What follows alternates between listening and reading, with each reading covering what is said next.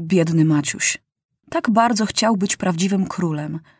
Tak bardzo chciał już sam rządzić. Tak bardzo chciał rozumieć wszystko.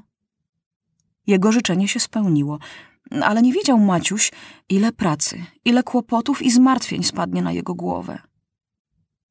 Wewnątrz kraju wszystko szło dobrze. Zaczęto budować w lasach domy dla dzieci, więc budowniczowie, mularze, cieśle, zduni, blacharze, ślusarze i szklarze mieli robotę i byli zadowoleni, bo dużo zarabiali. Pracowały cegielnie, tartaki, huty szklane. Budowano specjalną fabrykę łyżew. Przybyły cztery wielkie fabryki cukierków i czekolady. Robiono specjalne klatki dla dzikich zwierząt i wagony do ich przewożenia koleją. Trudny był i bardzo kosztowny wagon dla słoni i wielbłądów. Specjalny wagon trzeba było obmyślić dla żyrafy, która ma strasznie długą szyję. Za miastem ogrodnicy urządzali ogród zoologiczny. Budowano dwa wielkie domy, gdzie mieli zbierać się posłowie z całego kraju na narady, jak rządzić i jakie wydawać prawa i przepisy. Jeden gmach Sejmu przeznaczony był dla posłów dorosłych, a jeden dla dzieci. W parlamencie dziecinnym wszystko było urządzone tak samo, tylko klamki były u drzwi niżej, żeby nawet mali posłowie mogli sami drzwi otwierać. Krzesła były niskie, żeby im nogi nie dędały w powietrzu.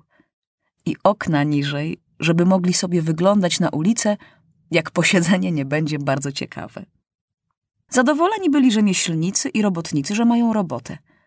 Zadowoleni byli fabrykanci, że mają zarobki. Zadowolone były dzieci, że król o nich myśli. Dzieci czytały swoją gazetę, gdzie każdy pisał co chce, i te, które nie umiały czytać, teraz uczyły się na gwałt czytać i pisać, bo chciały wiedzieć, co będzie, i chciały do swojej gazety pisać, co im się podoba. Więc rodzice i nauczyciele byli zadowoleni, że dzieci są takie pilne. I bujek teraz było w szkołach mniej, bo każdy chciał, żeby go lubili, żeby go wybrali na posła. Teraz Maciusia kochało nie tylko wojsko, a prawie wszyscy i podziwiali, że taki mały król tak prędko się nauczył i tak dobrze rządzi. Ale naród nie wiedział, jakie kłopoty ma Maciuś. A najgorsze było to, że zagraniczni królowie coraz więcej zaczęli zazdrościć Maciusiowi. Co on sobie myśli? mówili. My już dawno rządzimy, a Maciuś chce być od razu najpierwszy? Wielka sztuka być dobrodziejem za cudze pieniądze. Bum drum dał mu złoto, a Maciuś się rozporządza. Czy wypada, żeby biały król przyjaźnił się z ludożercami? Wszystko to wiedział Maciuś od swoich szpiegów. I minister spraw zagranicznych ostrzegał, że może być wojna. Maciuś bardzo nie chciał teraz wojny. Nie chciał się odrywać od roboty. Co by to było? Rzemieślnicy znów musieliby iść do okopów i domy byłyby nieskończone. A Maciuś chciał, żeby już w tym roku, w lecie, dzieci wyjechały na wieś, a w jesieni, żeby się zebrały oba sejmy, dla dorosłych i dla dzieci. Więc co robić, żeby nie było wojny? Pytał się Maciuś, chodząc wielkimi krokami po gabinecie, założywszy ręce do tyłu. Trzeba, żeby zagraniczni królowie pokłócili się między sobą i żeby najsilniejsi zaprzyjaźnili się z Maciusiem. Ach, to byłoby doskonale. Ja myślę, że trzeci, smutny król, który gra na skrzypcach, mógłby się z nami zaprzyjaźnić. On mi wtedy mówił, że nie chciał ze mną wojować wcale i jego najmniej pobiłem, bo był w rezerwie – i on sam mi radził, żebym zrobił reformę dla dzieci. To bardzo ważne, co mi wasza królewska mość mówi, powiedział minister spraw zagranicznych. Tak, on może się z nami zaprzyjaźnić, ale ci dwaj to zostaną zawsze naszymi wrogami. Dlaczego? zapytał Maciuś. Ten pierwszy gniewa się, że u nas lud będzie rządził. A co to jego obchodzi? O, bardzo go obchodzi, bo jak jego naród się dowie, to także zechce rządzić. Nie będzie chciał być najgorszy, nie pozwoli mu się rozporządzać i będzie u niego rewolucja. No, a drugi? Drugi? Hm. Z nim można się porozumieć. On się najbardziej o to gniewa, że dzicy królowie teraz więcej nas lubią niż jego. Dawniej czarni i żółci królowie jemu przysyłali prezenty, a teraz nam. Można się z nim umówić, żeby sobie zatrzymał żółtych królów, a my będziemy się przyjaźnili z czarnymi. A no dobrze, trzeba spróbować, bo ja nie chcę więcej wojny, powiedział stanowczo Maciuś. Tegoż wieczora zasiadł król Maciuś do napisania listu do smutnego króla, który grał na skrzypcach. Donieśli mi moi szpiegowie, że zagraniczni królowie zazdroszczą, że mi bum drum przysyła złoto i że pewnie znów napadną na mnie. Więc proszę, żeby wasza królewska mość został moim przyjacielem i żeby się z nimi pogniewał. Dużo pisał Maciuś o swoich reformach. Prosił o radę, co dalej robić. Pisał o tym, ile ma pracy, jak trudno być królem. I prosił, żeby smutny król się nie martwił, jak ktoś w parlamencie krzyknie precz z królami, bo taki jeden może być o coś zły, że król nie zrobił tego, co on chciał, ale za to inni są zadowoleni. Była późna noc, kiedy Maciuś odłożył pióro. Potem wyszedł Maciuś na balkon królewskiego zamku i patrzał na swoją stolicę. Na ulicach paliły się latarnie, ale w oknach domów było ciemno, bo już wszyscy spali. I Maciuś pomyślał. Wszystkie dzieci śpią spokojnie, a ja jeden czuwam i muszę w nocy pisać listy, żeby wojny nie było, żeby spokojnie kończyć domy na wsi żeby dzieci mogły na lato wyjechać.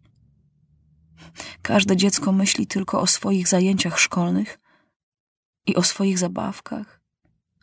A ja nawet nie mam czasu się uczyć ani bawić, bo muszę myśleć o wszystkich dzieciach mojego państwa. Wszedł Maciuś do pokoju, gdzie były jego zabawki. Leżały spokojnie, zakurzone i dawno nieruszane. Mój pajacyku, powiedział Maciuś do swojego pajaca. Pewnie się gniewasz, że się z tobą tak dawno nie bawiłem. Co robić? Ty jesteś drewniany pajacyk. Jak ciebie nie złamać? Leżysz sobie i nic ci nie potrzeba.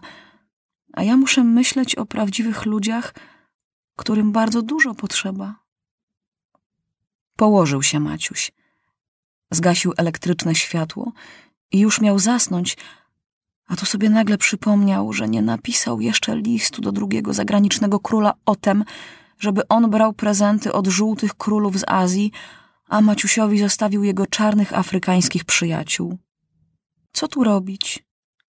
Trzeba, żeby dwa listy razem były wysłane. Odkładać nie można, bo co będzie, jak wypowiedzą wojnę, zanim te listy dostaną? Więc wstał Maciuś, chociaż ze zmęczenia bolała go głowa i pisał do samego rana długi list do drugiego zagranicznego króla. I tak po nieprzespanej nocy znów cały dzień pracował. I ten dzień bardzo był dla Maciusia ciężki, bo przyszedł telegram z morskiego miasta, że król Bum Drum przysłał cały okręt dzikich zwierząt i złota, ale że zagraniczny król nie pozwala, żeby przez jego państwo przyjeżdżało to wszystko przyszli ambasadorowie zagranicznych królów. Powiedzieli, że nie chcą, żeby wozić prezenty ludożerców przez ich państwa.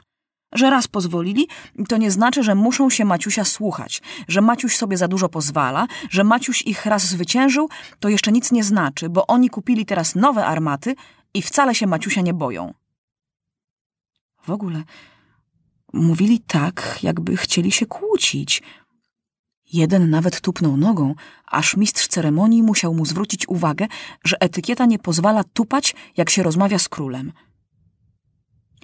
Maciuś naprzód zaczerwienił się ze złości, bo płynęła w nim krew Henryka Porywczego. I kiedy powiedzieli, że się Maciusia nie boją, już chciał krzyknąć. I ja się was nie boję także. Zresztą możemy spróbować i zobaczymy. Ale po chwili Maciuś zbladł i tak zaczął mówić, jakby nie rozumiał, o co im chodzi. Panowie ambasadorowie, niepotrzebnie się gniewacie. Ja wcale nie chcę, żeby się wasi królowie bali. Właśnie dziś w nocy napisałem listy, że chcę się z waszymi królami przyjaźnić. Proszę oddać te listy. Tu są tylko dwa listy, ale zaraz napiszę i do trzeciego. Jeżeli prezentów Bumdruma nie chcecie za darmo przewieźć przez wasz kraj, ja chętnie zapłacę. Nie wiedziałem, że to e, waszym królom sprawi przykrość. Ambasadorowie nie wiedzieli, co Maciuś napisał do ich królów, bo koperty były zalepione i zalakowane królewską pieczęcią, więc już nie mówili, tylko pomruczeli coś pod nosem i poszli sobie. A Maciuś miał naradę z dziennikarzem, drugą naradę z Felkiem, potem z ministrami, a jeszcze audiencja, a jeszcze podpisanie papierów, a jeszcze przegląd wojsk – bo to była akurat rocznica bitwy, którą wojsko królewskie wygrało za czasów Witolda Zwycięzcy. Wieczorem Maciuś był taki zmęczony i blady, że doktor bardzo się zmartwił. Trzeba szanować zdrowie, powiedział doktor. Wasza królewska mość dużo pracuje, mało je i mało śpi. Wasza królewska mość rośnie i może zachorować na suchoty i będzie pluł krwią. A ja już wczoraj plułem krwią, powiedział Maciuś. Doktor jeszcze bardziej się przestraszył. Zbadał Maciusia, ale wyjaśniło się, że to nie suchoty. Tylko Maciusiowi wypadł ząb i dlatego Maciuś pluł krwią.